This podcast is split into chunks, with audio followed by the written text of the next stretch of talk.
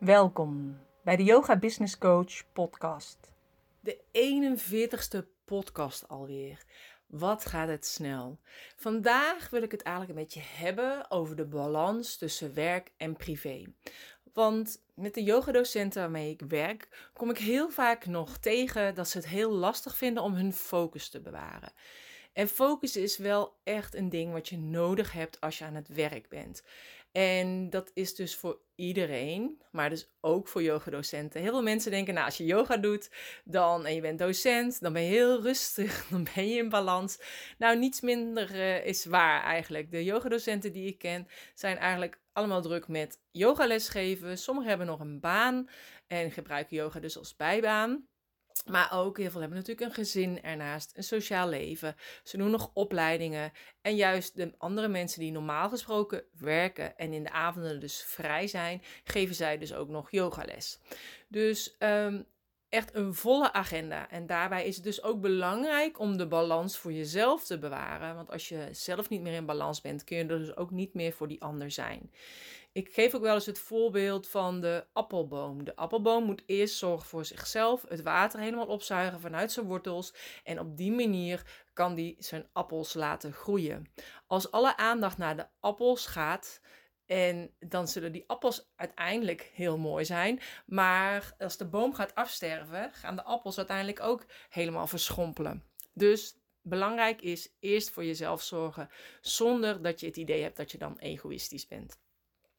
En een aantal dingen die je zou kunnen doen om te zorgen dat je de balans bij jezelf houdt, is zorgen voor een goed ochtendritueel. En ik heb er al eerder over gehad uh, in een podcast over journaling. Ik heb daar een uh, programma over gemaakt en het programma heet Receiving the Day, waarbij ik eigenlijk een ochtendritueel uh, uitleg wat je zou kunnen doen. En dan heb ik het niet alleen over yoga en om beweging, maar ook echt even een moment van stilte, meditatie. Dat je je affirmaties op opnoemt van wat, hoe jij je wil gaan voelen. Um, maar ook dat je gaat visualiseren waar je staat uh, aan het einde van de dag of aan het einde van de week, de maand of het jaar. Uh, maar ook dat je energizers doet. En dat kan dus inderdaad yoga zijn, maar het kan dus ook wandelen zijn met de hond. Dat je eigenlijk een stuk gaat lezen in een interessant boek waar je normaal gesproken nooit aan toe komt. Maar doordat je dat elke dag, al is het maar één of twee bladzijden leest, heb je toch na een bepaalde tijd het boek uit. En een stukje schrijven. Schrijven in je dagboek, dus journaling. En um, waardoor je eigenlijk je eigen proces opschrijft, hoe je je voelt, wat je nodig hebt, aan de hand van bepaalde vragen. En die vragen heb ik ook in de Receiving the Day programma uh, zitten. En daarmee stem je eigenlijk af op de dag en op wat je graag wil neerzetten, hoe je jezelf wil voelen. En door dus eigenlijk een goed ochtendritueel te hebben, um, ben je al heel veel problemen voor. Want je hebt al over heel veel dingen nagedacht wat je die dag wil gaan doen. Dus in je mind heb je het al beleefd. Dus zul je ook minder voor onverwachte uh, zaken komen te staan. Waardoor er minder onrust dus is in, uh, ja, in je dag en in je leven. Nou, wat dus ook heel goed is, is om een planning te maken. En vandaar dat ik ja, ik probeer op elke manier ook een yogadocent, maar ook een coach of therapeut daarmee te helpen. Dus daarom heb ik een jaarplanner uh, ontwikkeld. En de, heel veel mensen hebben deze al afgenomen. En die jaarplanner, daarbij help ik ook met gratis video's hoe je die het beste kunt inplannen, zodat je eigenlijk je planning maakt voor dat jaar. En dan kun je uiteindelijk vanaf dat jaar het weer terugbrengen naar kwartaal, wat je doelen zijn voor uh, ieder kwartaal en weer terugbrengen naar een week of eventueel naar een dag. En uh, het belangrijkste van zo'n planning is dat als jij nu al besluit, dan en dan wil ik op vakantie en uh, ben ik het dus niet voor iemand anders, dat je daar gewoon een grote kruis zet in je agenda. Maar ook voor bepaalde dagen voor jezelf, om even bij te komen. Even een me-time dag voor jezelf. En want als jij het niet inplant, wordt het alweer heel snel ingevuld door een ander. Dan komt de tandarts nog even, die wil zijn afspraak verzetten. Of een vriendin en dan denk je, nou ja, ik had toch niks staan, dus laat ik het maar doen. Dus het is heel belangrijk om al te beginnen met de vakanties, met verjaardagen, met speciale dagen dat je vrij wil zijn, om die gewoon al in te boeken met een afspraak met jezelf. Dus als iemand dan vraagt, kan je? Nee, want ik heb al een afspraak staan. En je hoeft aan niemand verantwoording af te geven met wie je die afspraak hebt staan. Maar op die manier, als je dus die planning maakt van een jaar en je brengt dat terug, is het helemaal helder. En wat ik ook zelf heel prettig vind, is om s'avonds al te kijken, wat moet ik morgen gaan doen? En om die planning dan al op te schrijven, zodat je daar niet in de ochtend nog over na hoeft te denken. En het voordeel is dus ook als je die jaarplanning hebt, dat je eigenlijk dus daarin eigenlijk ook terugplant. Wat ik ook vertel in die gratis serie, uh, die videoserie van Plan je succesvolste jaar, hè, is hetzelfde als dat je gaat of je bent zwanger en je denkt, oké, dan is de uitgerekende datum. Dus dan moet die babykamer klaar zijn. Dan uh, moet het restaurant al klaar zijn waar het feest is uh, en de bruiloft. En zover van tevoren moet de jurk besteld worden of zover van tevoren moet de maxicosi besteld worden. Dan zit je ook met een hele planning en plan je eigenlijk terug. En dat is eigenlijk het fijnste. Dus start with the end in mind. Zorg dat je je doel helder hebt bij een bepaalde einddatum. En plan dan dus terug uh, naar nu, welke kleine stappen je nu moet doen om te zorgen dat je dan dus daar bent. Nou, voor de rest zijn er ook heel veel boeken geschreven over focus, over planning. Uh, het belangrijkste is altijd dat je het zelf doet. Want uiteindelijk kun je er nog zoveel over lezen, maar als je het niet doet, dan gaat het ook echt niet werken. En het is natuurlijk hetzelfde als dat iemand op yogales komt en die zegt: Oké, ik heb nu één les gedaan, ik weet hoe het moet. Of ik heb gelezen in het boek hoe ik de hondhouding moet doen. Maar je moet het zelf doen. Je moet het voelen, je moet het ervaren. En alleen dan weet je hoe je zo'n houding kunt aanpassen. En dat kan vaak alleen maar met hulp. En. Uh, maar als je zelf niet het gaat doen, weet je ook niet hoe het voelt om in een hond te staan. En dat is natuurlijk precies zo uh, met focus en met planning. Dus uh, het is goed om een planning te maken en maak voor jezelf een hele intensieve, korte to-do-lijst. Maar wees ook realistisch. Dus kijk gewoon wat zijn drie taken die ik per se vandaag af wil hebben en zorg dat je die dan ook afkrijgt. En vaak is het het prettigst om het meest vervelende taakje wat je hebt, om die als eerste te doen. En dat staat ook in het boek van uh, Brian Tracy, Eat That Frog, waarin hij dat ook helemaal beschrijft. Ook is het heel goed om niet op social media te gaan of niet je mail te controleren van 11 voor 11 uur in de ochtend. Als je dat namelijk wel doet, dan heb je weer een hele grote kans dat je blijft hangen in je inbox en dat je uiteindelijk allemaal helpt met de to-do-lijstjes oplossen van mensen die allerlei vragen aan jou stellen, maar dat je je eigen to-do-lijst nog helemaal niet af hebt. En het is goed om tussendoor even wat te bewegen, om te zorgen dat je een bepaalde tijdcycli hebt dat je werkt aan, uh, aan je bedrijf, dus aan, uh, achter de laptop, als je je lessen gaat voorbereiden of als je je administratie doet, maar dat je wel tussendoor wat afleiding hebt. En aan het einde van de dag reflecteer je dan en maak je eigenlijk een nieuwe planning voor de volgende dag. Nou, wat ik ook heel vaak hoor van mensen die zeggen van ja, maar hoe lang moet ik dan aan één stuk werken? Of hoe lang pauze moet ik dan houden? Nou, je hebt bijvoorbeeld de Pomodoro-techniek.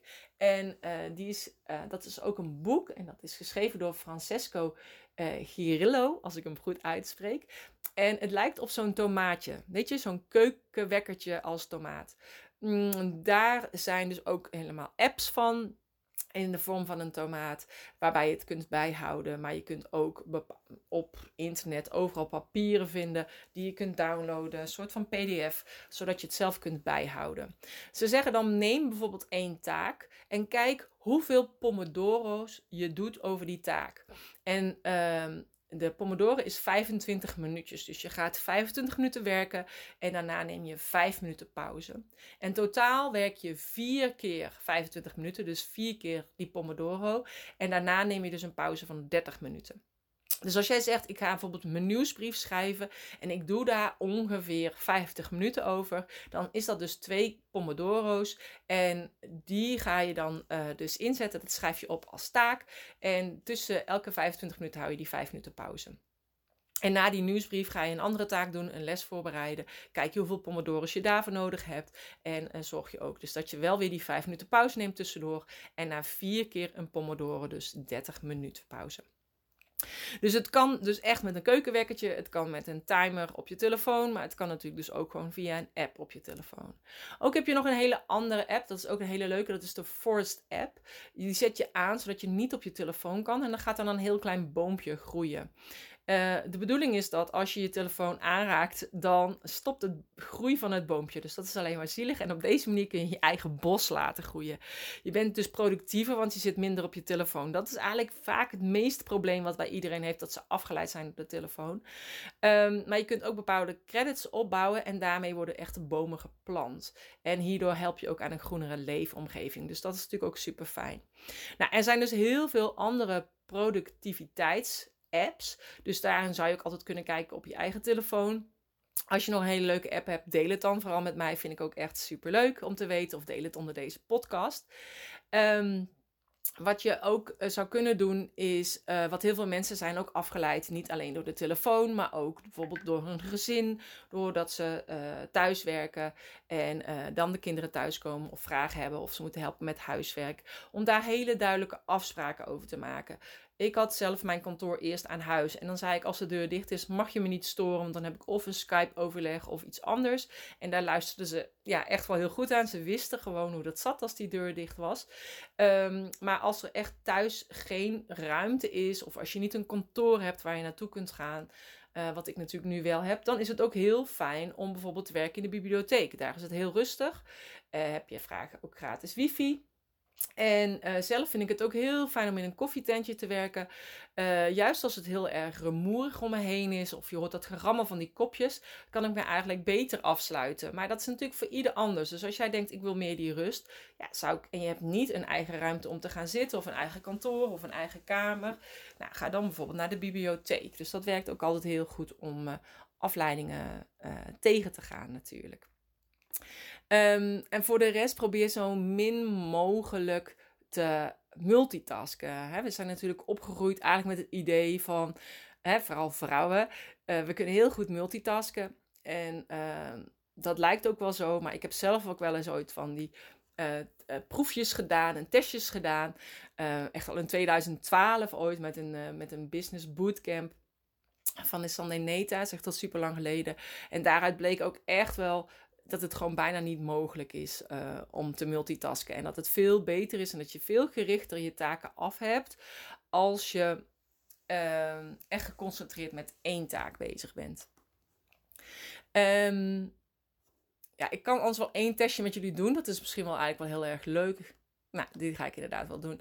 Maar dan moet je dus even pen en papier pakken. Dus dan is het handig als je de podcast even stilzet. En hem daarna weer verder gaat luisteren. Als je uh, de uh, pen en papier hebt.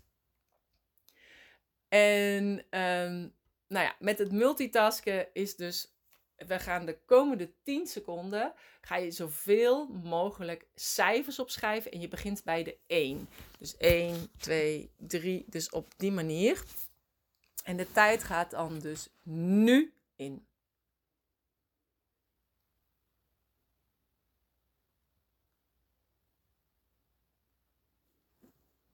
En stop. En dan ben ik heel benieuwd hoeveel cijfers je hebt opgeschreven. En nu gaan we hem nog een keer doen. Alleen in de komende 10 seconden ga je alle letters opschrijven. Zoveel mogelijk. En je begint bij de A. Dan is het A, B, C, D. Tot hoever je kunt komen. Dus 1, 2, 3, start.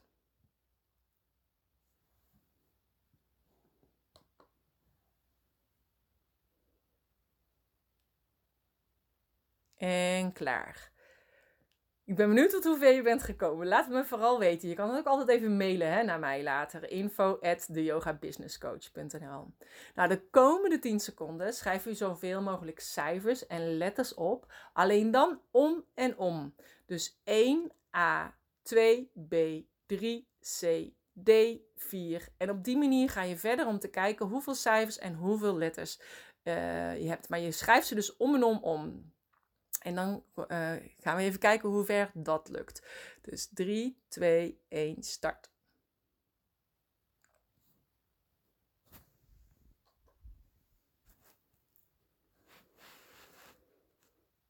En stop. Nou, hoe ver ging het nu? Als je dus kijkt hoeveel uh, cijfers je in eerste instantie had, hoeveel letters je in eerste instantie had. En als je dus kijkt wat je nu bij de derde keer had aan hoeveel cijfers en letters, is het dan ongeveer gelijk of liep het dan heel ver achter? Nou, Vaak liep je heel ver achter en kwam je in het begin tot 25. En nu qua, uh, en qua uh, letters ook zat je echt al op de 26 al bij de Z.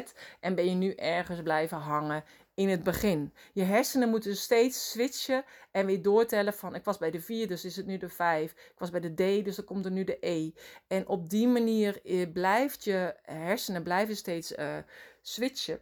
En dat is gewoon eigenlijk het bewijs dat multitasken niet werkt. En ik betrap mezelf daar ook nog steeds op hoor.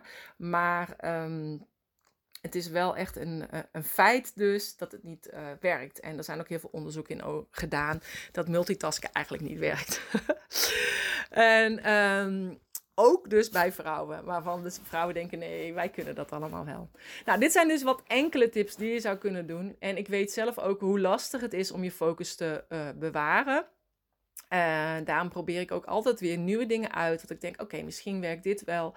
Je hebt ook verschillende apps om je to-do-lijstjes bij te houden. Um, je hebt speciale agenda's waarin je eigenlijk je doelen helder kunt maken. Dus bijvoorbeeld de purpose agenda.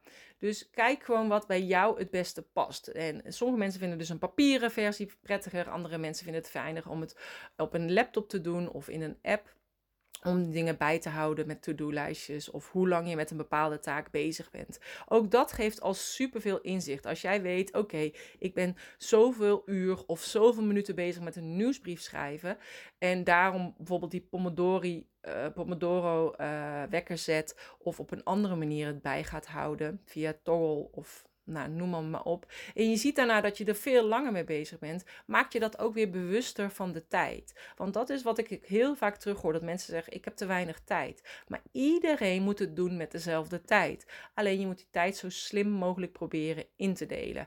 En ook succesvolle mensen, ook uh, de president of mensen die een bedrijf runnen en directeur zijn van een miljoenenbedrijf, die hebben net zoveel uren als jij. En zij hebben alleen mensen die bijvoorbeeld voor hun bepaalde taken doen. Dus kijk ook welke taken moet jij per se zelf doen en welke taken kan je uitbesteden. Wat kan iemand anders voor jou doen om het voor jou makkelijker te maken?